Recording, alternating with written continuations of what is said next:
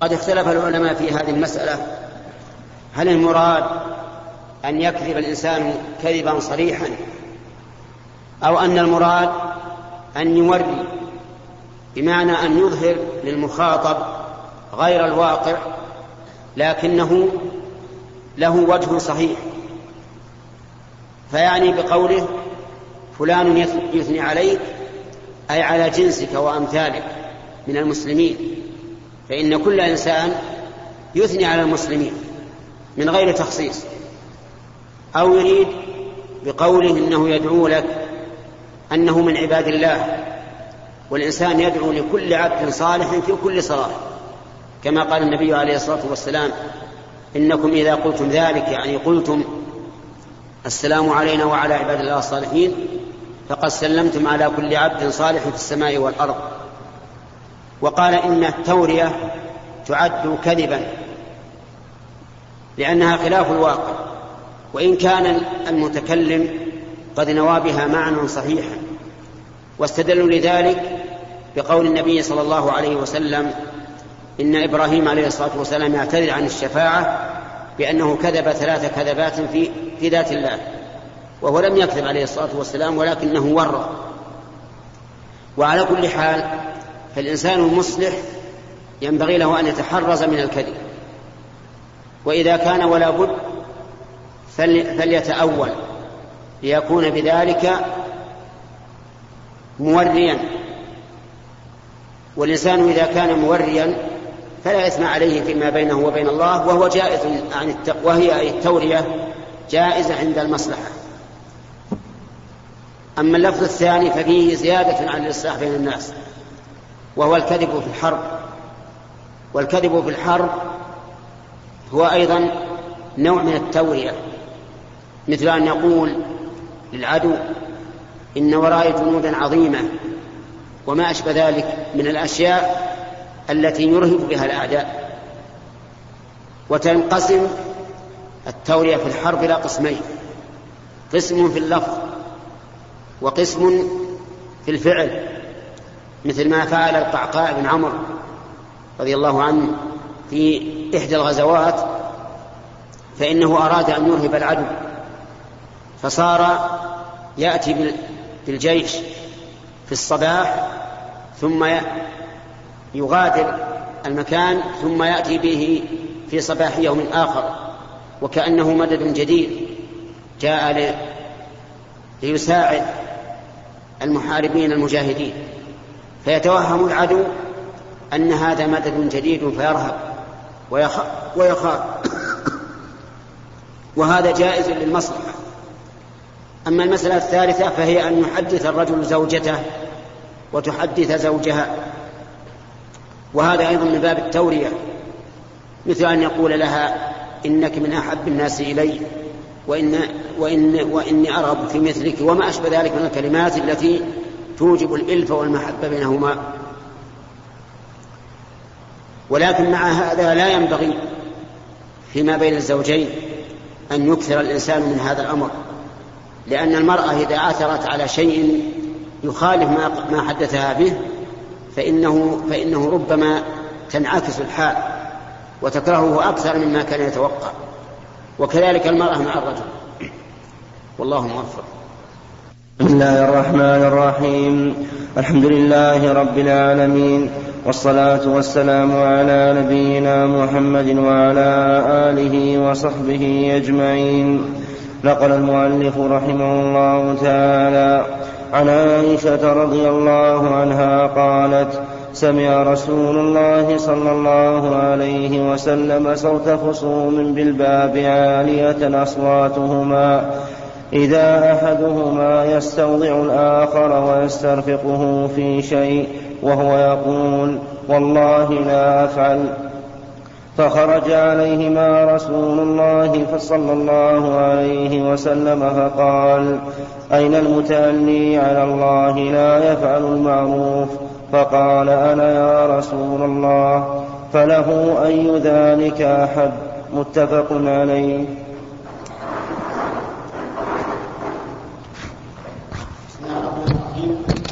هذا الحديث الذي ذكره المؤلف رحمه الله في بيان الصلح بين اثنين بين اثنين متنازعين. فإذا رأى شخص رجلين يتنازعان في شيء وأصلح بينهما فله أسوة برسول الله صلى الله عليه وسلم. وقد فعل خيرا كثيرا كما سبق الكلام فيه على قول الله تعالى لا خير في كثير من نجواهم إلا من أمر بصدقة أو معروف أو إصلاح بين الناس. ومن يفعل ذلك ابتغاء مرضات الله فسوف نؤتيه أجرا عظيما. فالنبي عليه الصلاة والسلام لما سمع نزاع الرجلين وقد علت أصواتهما خرج إليهما عليه الصلاة والسلام لينظر ماذا عنده عندهما. وفيه دليل على أنه لا حرج على الإنسان أن يتدخل في النزاع بين اثنين إذا لم يكن ذلك سرا بينهما لأن هذين الرجلين قد أعلنا ذلك وكان يتكلمان بصوت مرتفع. أما لو كان الأمر بين اثنين على وجه السر والإخفاء فلا يجوز للإنسان أن يتدخل. بينهما لأن في ذلك إحراجا لهما فإن إخفاءهما للشيء يدل على أنهما لا يحبان أن يطلع عليه أحد من الناس. فإذا أقحمت نفسك في الدخول بينهما أحرجتهما وضيقت عليهما وربما تأخذهما العزة بالإثم فلا يصطلحان. والمهم أنه ينبغي للإنسان أن يكون أداة خير وأن يحرص على الإصلاح بين الناس. وإزالة العداوة والضغائن حتى ينال خيرا كثيرا. والله موفق. نعم بسم الله الرحمن الرحيم. الحمد لله رب العالمين والصلاة والسلام على نبينا محمد وعلى آله وصحبه أجمعين. قال رحمه الله تعالى باب فضل ضعفة المسلمين والفقراء والخاملين قال الله تعالى واصبر نفسك مع الذين يدعون ربهم بالغداة والعشي يريدون وجهه ولا تعد عيناك ولا تعد عيناك عنهم. وعن حارثة بن وهب رضي الله عنه قال سمعت رسول الله صلى الله عليه وسلم يقول ألا أخبركم بأهل الجنة؟ كل ضعيف متضعف لو أقسم على الله لأبره ألا أخبركم بأهل النار؟ كل عتل جواظ مستكبر. متفق عليه. رحمه الله تعالى باب فضل ضعفاء المسلمين وفقرائهم والخاملين منهم. المراد بهذا الباب تسلية من قدر الله عليه أن يكون ضعيفا في بدنه أو ضعيفا في عقله أو ضعيفا في ماله أو ضعيفا في جاهه أو غير ذلك مما يعده الناس ضعفا. فإن الله سبحانه وتعالى قد يجعل الإنسان ضعيفا من وجه لكنه قوي عند الله عز وجل. يحبه الله ويكرمه وينزله المنازل العالية وهذا هو المهم المهم أن تكون قويا عند الله عز وجل وجيها عنده ذا شرف يكرمك الله به. ثم ذكر قول الله تعالى مخاطبا نبيه صلى الله عليه وآله وسلم في قوله واصبر نفسك مع الذين يدعون ربهم بالغداة والعشي. اصبر نفسك أي احبسها مع هؤلاء القوم الذين يدعون الله بالغداة أول النهار والعشي آخر النهار. والمراد بالدعاء هنا دعاء المسألة ودعاء العبادة. فإن دعاء المسألة دعاء كقوله تعالى في الحديث القدسي من يدعوني فأستجيب له. وقال ربكم ادعوني أستجب لكم. ودعاء عبادة وهو أن يتعبد الإنسان لربه بما شرعه لأن العابد يدعو بلسان الحال ولسان المقال فالصلاة مثلا عبادة تشتمل على قراءة القرآن وذكر الله وتسبيحه ودعائه أيضا والصوم عبادة وإن كان في جوهره ليس فيه دعاء لكن الإنسان لم يصم إلا رجاء ثواب الله وخوف عقاب الله فهو دعاء بلسان الحال. وقد تكون الماء العبادة دعاء محضا. دعاء محضا يدعو الإنسان ربه بدعاء فيكون عابدا له وإن كان مجرد دعاء. لأن الدعاء يعني افتقار الإنسان إلى الله وإحسان ظنه به ورجاءه والخوف من عقابه. اصبر نفسك مع الذين يدعون ربهم. معنى يدعون يعني يسألونه حاجاتهم ويعبدونه. لأن العابد كما قلت داع بلسان الحال. بالغداة أول, أول النهار والعشي آخر النهار. ولعل المراد بذلك يدعون ربهم دائما. لكنهم يخصون الغداة والعشاء والعشي بدعائه الخاص. يريدون وجهه. يعني لا يريدون عرضا من الدنيا. إنما يريدون وجه الله عز وجل. ولا تعد عيناك عنهم. يعني لا تتجاوز عيناك إلى غيرهم. بل كن دائما ناظرا إليهم معهم في دعائهم وعبادتهم وغير ذلك. وهذا كقوله تعالى ولا تمدن عينيك إلى ما متعنا به أزواجا منهم. زهرة الحياة الدنيا لنفتنهم فيه. ورزق ربك خير وأبقى. هنا قال لا تعد عيناك عنهم يعني اجعل عيناك دائما فيه. وهنا قال ولا تمدن عينيك إلى ما متعنا به أزواجا منهم زهرة الحياة الدنيا. لا تنظر إلى أهل الدنيا وما متعوا به من النعيم في المراكب والملابس والمساكن وغير ذلك. كل هذا زهرة الدنيا. والزهرة آخر ما لها الذبول واللبس. والزوال وهي أسرع أوراق الشجرة ذبولا وزوالا. فلهذا قال زهرة. هي زهرة حسنة في رونقها وجمالها وريحها إن كانت ذات ريح لكنها سريعة الذبول وهكذا الدنيا. زهرة تذبل سريعا. نسأل الله أن يجعلنا منكم حظا ونصيبا في الآخرة. يقول لنفتنهم فيه. ورزق ربك خير وأبقى. رزق الله بماذا؟ بالطاعة. كما قال تعالى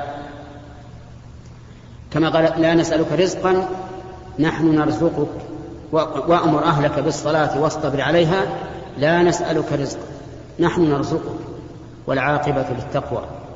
وكان النبي صلى الله عليه وآله وسلم إذا رأى شيئا يعجبه من الدنيا قال لبيك إن العيش عيش الآخرة اللهم صل وسلم عليه. كلمتان عظيمتان. الإنسان إذا نظر إلى الدنيا ربما تعجبه فيلهو عن طاعة الله. فيقول لبيك يعني أجبتك إلى طاعتك ولم تهمني الدنيا. ثم يوطن نفسه ويرغبها في شيء أحسن من نعيم الدنيا. فيقول إن العيش عيش الآخرة لبيك إن العيش عيش الآخرة وصدق الرسول عليه الصلاة والسلام. عيش الدنيا مهما كان زائل ومهما كان فإنه محفوف بالحزن ومحفوف بالآفات ومحفوف بالنقص. وكما يقول الشاعر في في في شعره الحكيم لا طيب للعيش ما دامت منغصة لذاته بادكار الموت والهرم. العيش مآله إحدى أمران إحدى أمرين. بل العيش مآله أحد أمرين. إما الهرم حتى يعود الإنسان إلى سن الطفولة والضعف البدني مع الضعف العقلي ويكون عالة حتى على أهله حتى أهله يملونه. وإما الموت. فكيف يطيب العيش للإنسان؟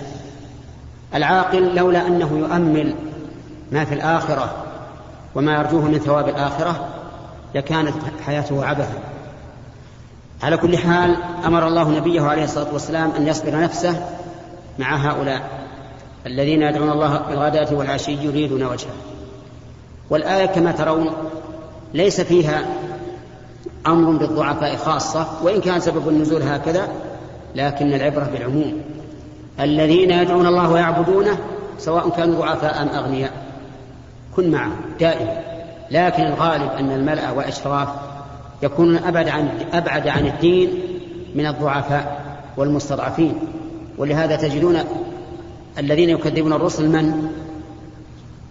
الملأ. قال الملأ في قوم صالح قال الملأ الذين استكبروا من قومه الذين استضعفوا لمن آمن منهم أتعلمون أن صالح مرسل من ربه؟ فنسأل الله أن يجعلنا وإياكم مع أهل الحق.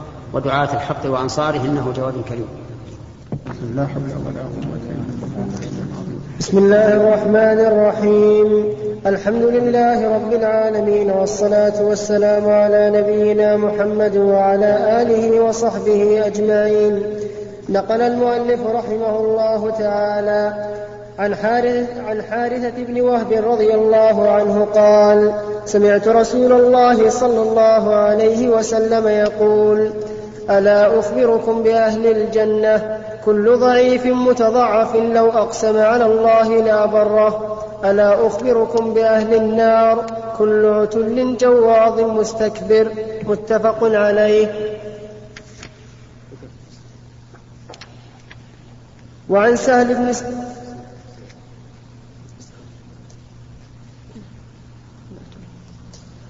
العتل الغليظ الجافي. والجواض بفتح الجيم وتشديد الواو وبالضاء المعجمة وهو وهو وهو الجموع المنوع.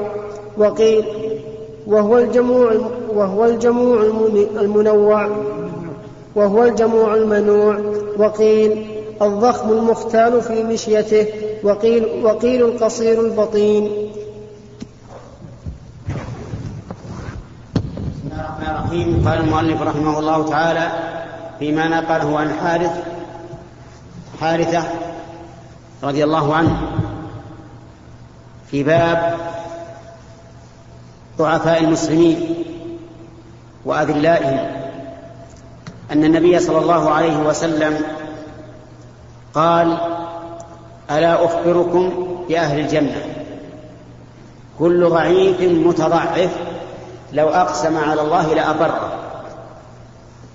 يعني هذه من علامات من علامات أهل الجنة أن الإنسان يكون ضعيف ضعيفا متضعفا. يعني لا يهتم بمنصبه أو جاهه أو يسعى إلى علو المنازل في الدنيا. ولكنه ضعيف في نفسه متضعف يميل إلى الخمول وإلى عدم الظهور. لأنه يرى أن المهم أن يكون له جاه عند الله عز وجل لا أن يكون شريفا في قومه أو ذا عظمة فيهم ولكن يرى أن الأهم كله هو أن يكون عند الله سبحانه وتعالى ذو ذا منزلة كبيرة عالية. ولذلك تجد أهل الآخرة لا يهتمون بما يفوت يفوتهم من الدنيا. إن جاءهم من الدنيا شيء قبلوه وإن فاتهم شيء لم يهتموا به لأنهم يرون أن ما شاء الله كان وما لم يشاء لم يكن وأن الأمور بيد الله وأن تغيير الحال من المحال وأنه لا يمكن رفع ما وقع ولا دفع ما قدر إلا بالأسباب الشرعية التي جعل الله تعالى سببا. أما أهل النار فقال ألا أخبركم نعم. وقوله لو أقسم على الله لأبره يعني لو حلف على شيء ليسر الله له أمره حتى يحقق له ما حلف عليه. وهذا كثيرا ما يقع. أن يحلف الإنسان على شيء ثقة بالله عز وجل ورجاء لثوابه فيبر, فيبر الله قسمه. وأما الحالف على الله تأليا وتحجرا لرحمته فإن هذا يخطئ والعياذ بالله. وها هنا مثلا. المثل الأول أن الربيع بنت النضر رضي الله عنها وهي من الأنصار كسرت ثنية ثنية جارية من الأنصار فرفعوا الأمر إلى رسول الله صلى الله عليه وسلم. فأمر النبي صلى الله عليه وسلم أن تكسر ثنية الربيع. لقول الله تعالى وكتبنا عليهم فيها أن النفس بالنفس إلى قول والسن بالسن. فقال أخوها أنس بن, أنس بن النضر والله يا رسول الله لا تكسر ثنية الربيع. فقال يا أنس كتاب كتاب الله القصاص. فقال والله لا تكسر ثنية الربيع. أقسم بهذا ليس معناه ليس ذلك ردا لحكم الله ورسوله ولكنه يحاول بقدر ما يستطيع أن يتكلم مع أهلها حتى يعفو ويأخذ الدية أو يعفو مجانا. كأنه واثق من أنه سيعمل ما يستطيع لا ردا لحكم الله ورسوله. فيسأل الله سبحانه وتعالى فعفى أهلها عنه. عفى أهل الجارية عن القصاص. فقال النبي صلى الله عليه وآله وسلم إن من عباد الله من لو أقسم على الله لأبر.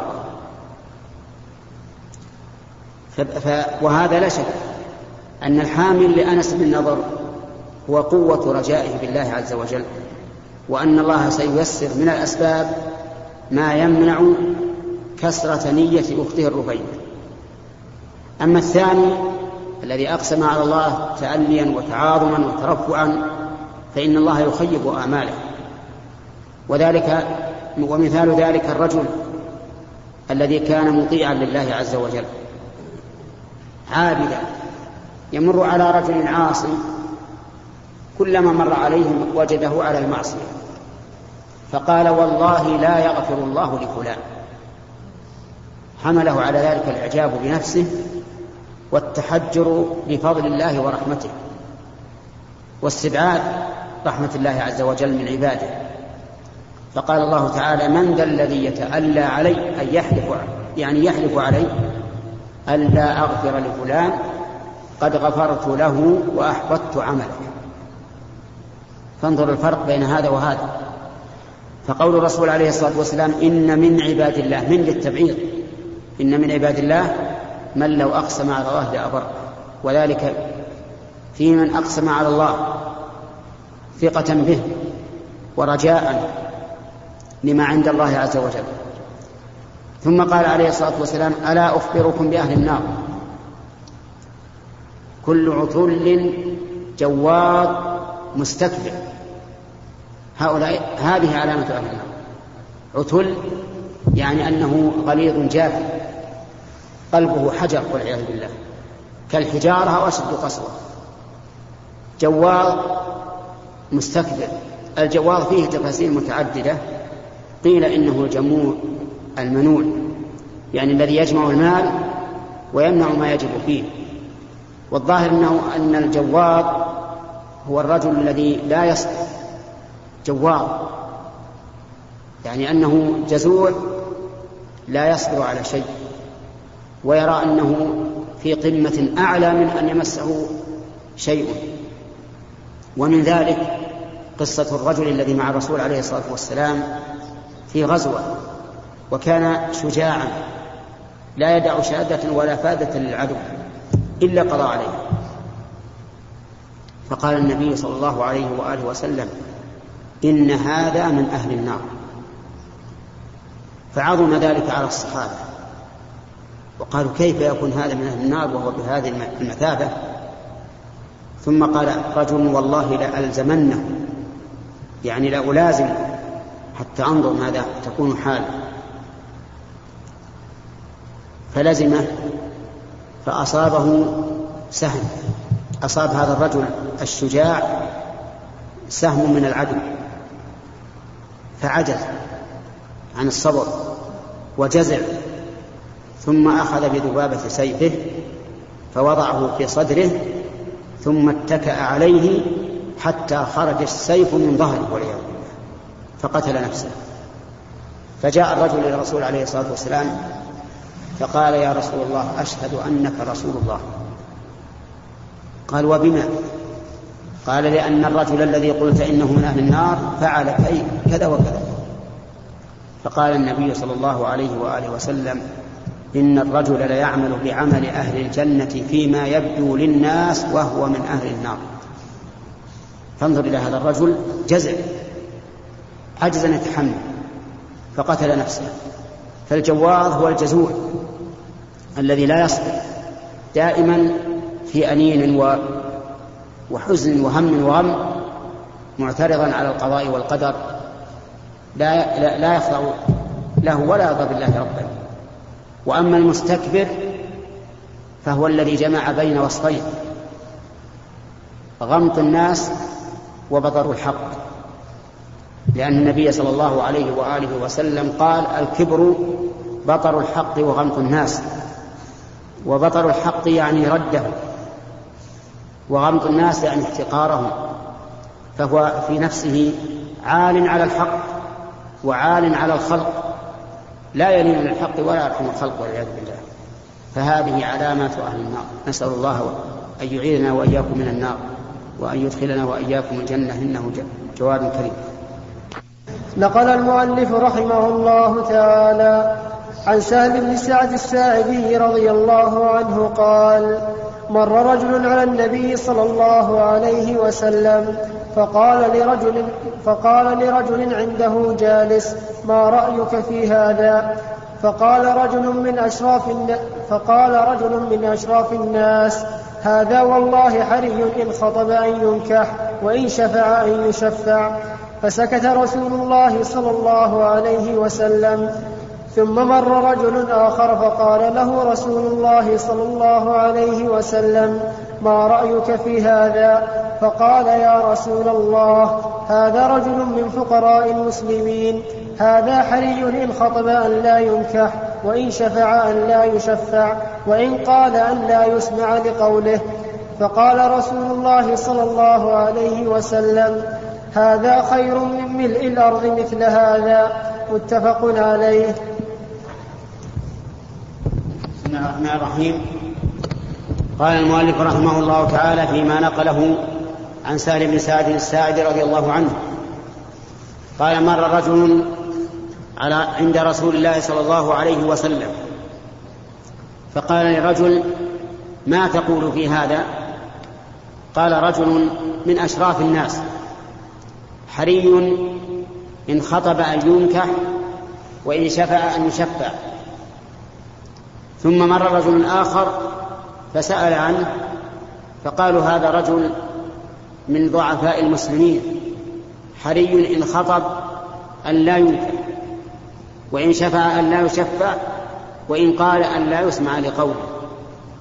فهذان رجلان أحدهما من أشراف القوم وممن له كلمة فيه وممن يجاب إذا خطب ويسمع إذا قال.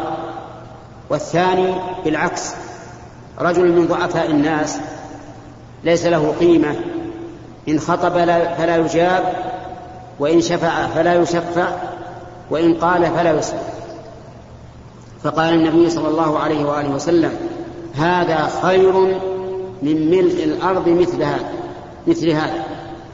خير عند الله عز وجل من ملء الأرض مثل هذا الرجل الذي له شرف وجاه في قومه لأن الله سبحانه وتعالى لا ينسى ينظر إلى الشرف والجاه والنسب والمال والصورة واللباس والمركوب والمسكون وإنما ينظر إلى القلب والعمل. فإذا صلح القلب فيما بينه وبين الله عز وجل وأناب إلى الله وصار ذاكرا لله تعالى خائفا منه مخبتا إليه عاملا بما يرضي الله عز وجل فهذا هو الكريم عند الله.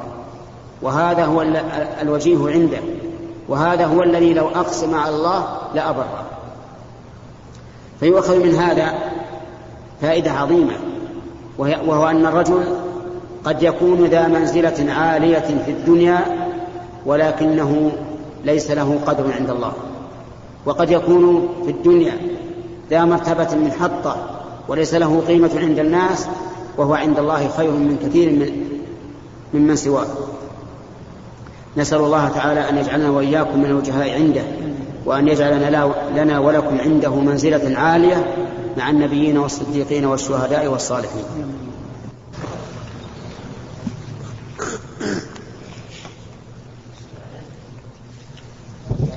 بسم الله الرحمن الرحيم. الحمد لله رب العالمين والصلاة والسلام على نبينا محمد وعلى آله وصحبه أجمعين. نقل المؤلف رحمه الله تعالى عن أبي سعيد الخدري رضي الله عنه عن النبي صلى الله عليه وسلم قال احتجت الجنة والنار فقالت النار في الجبارون والمتكبرون وقالت الجنة في ضعفاء الناس ومساكينهم فقضى الله بينهما إنك الجنة رحمتي أرحم بك من أشاء وإنك النار عذابي أعذب بك من أشاء ولك ولكليكما علي ملؤها رواه مسلم. الله تعالى فيما نقله عن أبي سعيد الخدري رضي الله عنه أن النبي صلى الله عليه وسلم قال احتجت الجنة والنار. يعني تحاجا فيما بينهما. كل واحدة تدلي بحجتها وهذا من الأمور الغيبية التي يجب علينا أن نؤمن بها حتى وإن استبعدتها العقول. يعني لو أن الإنسان قال كيف تتحاج الجنة والنار وهما جمادان؟ فإننا نقول إن الله سبحانه وتعالى على كل شيء قدير. وقد أخبر الله سبحانه وتعالى أن الأرض يوم القيامة تحدث أخبارها بما أوحى الله إليها به. فإذا أمر الله شيئا بشيء فإن هذا المأمور سيستجيب على كل حال. الأيدي يوم القيامة والألسن والأرجل والجلود كلها تشهد مع أنها جمال وتشهد على صاحبها مع أنها أقرب الناس إليه. لأن الله سبحانه وتعالى على كل شيء قدير. فالجنة احتجت على النار والنار احتجت على الجنة. النار احتجت بأن فيها الجبارون بأن فيها الجبارين والمتكبرين. الجبارين أصحاب الغلظة والقسوة والمتكبرون أصحاب الترفع والعلو. الذين يغمطون الناس ويردون الحق. كما قال النبي عليه الصلاة والسلام في الكبر إنه بطر الحق وغمط الناس. فأهل الجبروت وأهل الكبرياء هم أهل النار والعياذ بالله. وربما يكون صاحب النار لين الجانب للناس حسن الأخلاق لكنه جبار بالنسبة للحق مستكبر عن الحق. فلا ينفعه لينه لين جانبه وعطفه على الناس. بل هو موصوف بالجبروت والكبرياء ولو كان لين الجانب للناس لأنه تجبر واستكبر عن الحق. أما الجنة فقالت إن فيها ضعفاء الناس وفقراء الناس. فهم في الغالب هم الذين يلينون للحق. وينقادون له. وأما أهل الكبرياء والجبروت فالغالب أنهم لا ينقادون. فقضى الله بينهما عز وجل. قال للجنة أنت رحمتي أرحم بك من أشاء. وقال للنار أنت عذابي أعذب بك من أشاء. أنت رحمتي يعني أنها الدار التي نشأت من رحمة الله. وليست رحمته التي هي صفته فإن رحمته التي هي صفته وصف قائم به لكن الرحمة هنا مخلوق. أنت رحمتي يعني خلقتك برحمتي. أرحم بك من أشاء. وقال النار أنت عذابي أعذب بك من أشاء. كقوله تعالى يعذب من يشاء ويرحم من يشاء. فأهل, فأهل الجنة هم أهل رحمة الله. أسأل الله أن يجعلني وإياكم منهم. وأهل النار أهل عذاب الله. ثم قال عز وجل ولكل واحدة منكما علي ملؤها. تكفل عز وجل وأوجب على نفسه أن يملأ الجنة ويملأ النار. وفضل الله سبحانه وتعالى ورحمته أوسع من غضبه فإنه إذا كان يوم القيامة ألقى الله من يلقي في النار. وهي تقول هل من مزيد؟ يعني أعطوني أعطوني زيد زيدوا فيضع الله عليها رجله وفي لفظ عليها قدمه فينزوي بعضها إلى بعض ينضم بعضها إلى بعض من أثر وضع الرب عز وجل عليها قدمه وتقول قط قط. يعني كفاية كفاية. وهذا ملء هذا ملء أما الجنة فإن الجنة واسعة. عرضها السماوات والأرض. يدخلها أهلها ويبقى فيها فضل زائد على أهلها فينشئ الله تعالى لها أقواما فيدخلهم الجنة بفضله ورحمته. لأن الله تكفل لها بملئها ففي هذا دليل على أن الفقراء والضعفاء هم أهل الجنة لأنهم في الغالب هم الذين ينقادون للحق وأن الجبارين المتكبرين هم أهل النار والعياذ بالله لأنهم مستكبرون على الحق على الحق وجبارون لا تلين قلوبهم لذكر الله ولا لعباد الله. نسأل الله لنا ولكم السلام والعافية.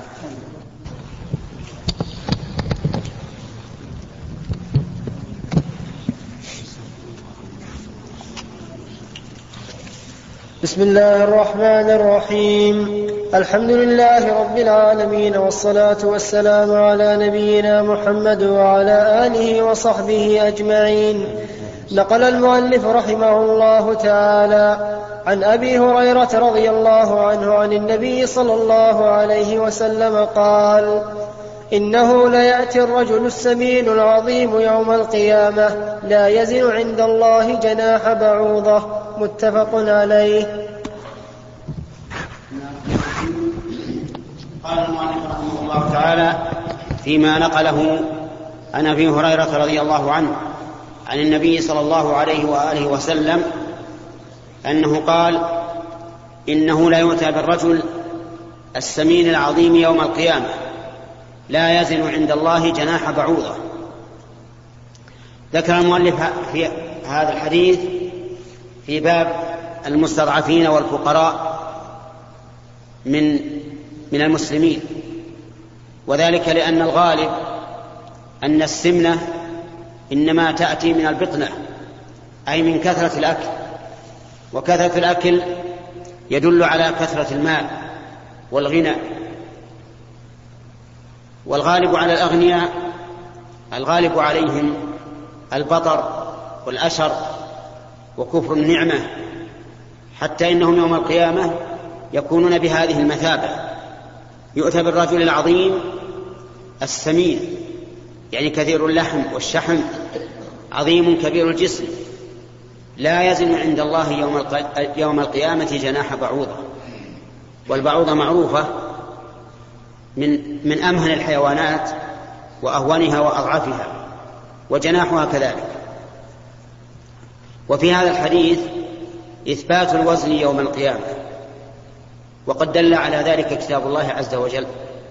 قال الله تعالى ونضع الموازين القسط ليوم القيامة فلا تظلم نفس شيئا وإن كان مثقال حبة من خردل أتينا بها وكفى بنا حاسبين.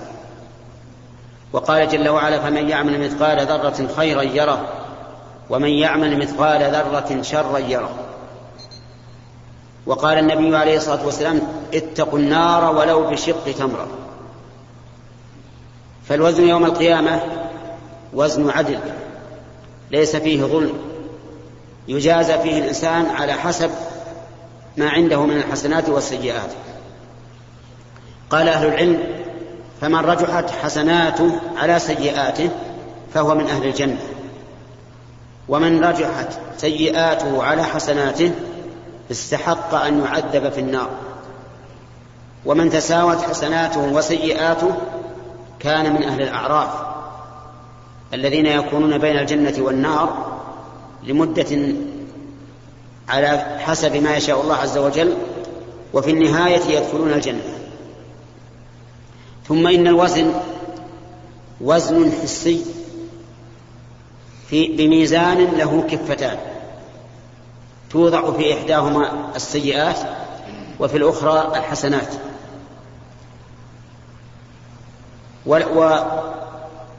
وتثقل الحسنات وتخف السيئات إذا كانت الحسنات أكثر والعكس بالعكس. ثم ما الذي يوزن؟ ظاهر هذا الحديث أن الذي يوزن الإنسان. الذي يوزن هو الإنسان. وأنه يخف ويثقل بحسب أعماله. وقال بعض العلماء بل الذي يوزن صحائف الأعمال توضع صحائف السيئات في كفة وصحائف الحسنات في كفة وما رجح فالعمل عليه. وقيل بين الذي يوزن العمل لأن الله تعالى قال فمن يعمل مثقال ذرة فجعل الوزن للعمل. وقال تعالى وإن كان مثقال حبة من خردل أتينا بها. وقال النبي صلى الله عليه وآله وسلم كلمتان حبيبتان إلى الرحمن ثقيلتان في الميزان خفيفتان على اللسان. سبحان الله وبحمده سبحان الله العظيم. فقول الكلمتان ثقيلتان في الميزان يدل على أن الذي يوزن هو العمل. وهذا هو ظاهر القرآن الكريم وظاهر السنة. وربما يوزن هذا وهذا أي توزن الأعمال وتوزن صحائف الأعمال. وفي هذا الحديث التحذير من كون الإنسان لا يهتم إلا بنفسه أي, بما أي بتنعيم جسده. والذي ينبغي للعاقل أن يهتم بتنعيم قلبه. ونعيم قلب الإنسان بالفطرة وهي التزام دين الله عز وجل. وإذا نعم القلب نعم البدن ولا عكس. قد ينعم البدن ويؤتى الإنسان من الدنيا ما يؤتى من زهرتها ولكن قلبه في جحيم والعياذ بالله. وإذا شئت أن تتبين هذا فاقرأ قوله تعالى من عمل صالحا من ذكر أو أنثى وهو مؤمن فلنحيينه حياة طيبة ولنجزينهم أجرهم بأحسن ما كانوا يعملون. لم يقل فلننعمن أبدانهم فلنحيينه حياة طيبة وذلك بما يجعل الله في قلوبهم من الأنس وانشراح الصدر وطمأنينة القلب وغير, وغير ذلك حتى إن بعض السلف قال لو يعلم الملوك وأبناء الملوك ما نحن فيه لجالدونا عليه بالسيوف يعني من انشراح الصدر ونور القلب والطمأنينة والسكون. أسأل الله أن يشرح قلبي وقلوبكم للإسلام وينورها بالعلم والإيمان إنه جواد كريم. الحمد لله رب العالمين والصلاة والسلام على نبينا محمد وعلى آله وصحبه أجمعين. نقل المؤلف رحمه الله تعالى عن أبي هريرة رضي الله عنه أن امرأة سوداء كانت تقم المسجد أن امرأة سوداء كانت تقم المسجد أو شابا ف... المسجد أو شابا ففقدها أو فقده رسول الله صلى الله عليه وسلم فسأل عنها أو عنه فقالوا فقالوا مات قال أفلا كنتم آذنتموني به؟ فكأنهم صغروا أمرها أو أمره فقال دلوني على قبره فدلوه عليه ثم قال إن هذه القبور مملوءة ظلمة على أهلها وإن الله تعالى ينورها لهم بصلاتي عليهم. متفق عليه.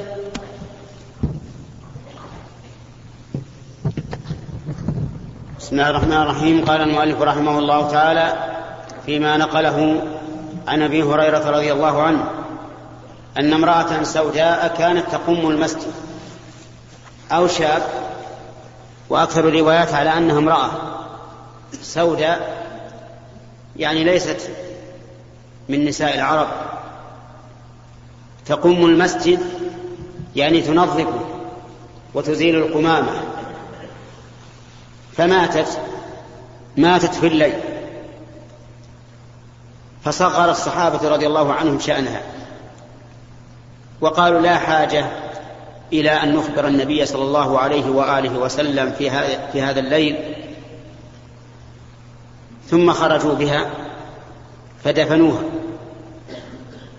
ففقدها النبي صلى الله عليه وآله وسلم. فقالوا إنها ماتت. فقال هلا كنتم آذنتموني؟ يعني أعلمتموني. حين ماتت ثم قال دلوني على قبرها. فدلوه فصلى عليها ثم قال عليه الصلاة والسلام إن هذه القبور مملوءة ظلمة على أهلها وإن الله ينورها عليهم ينورها لهم بصلاته عليهم.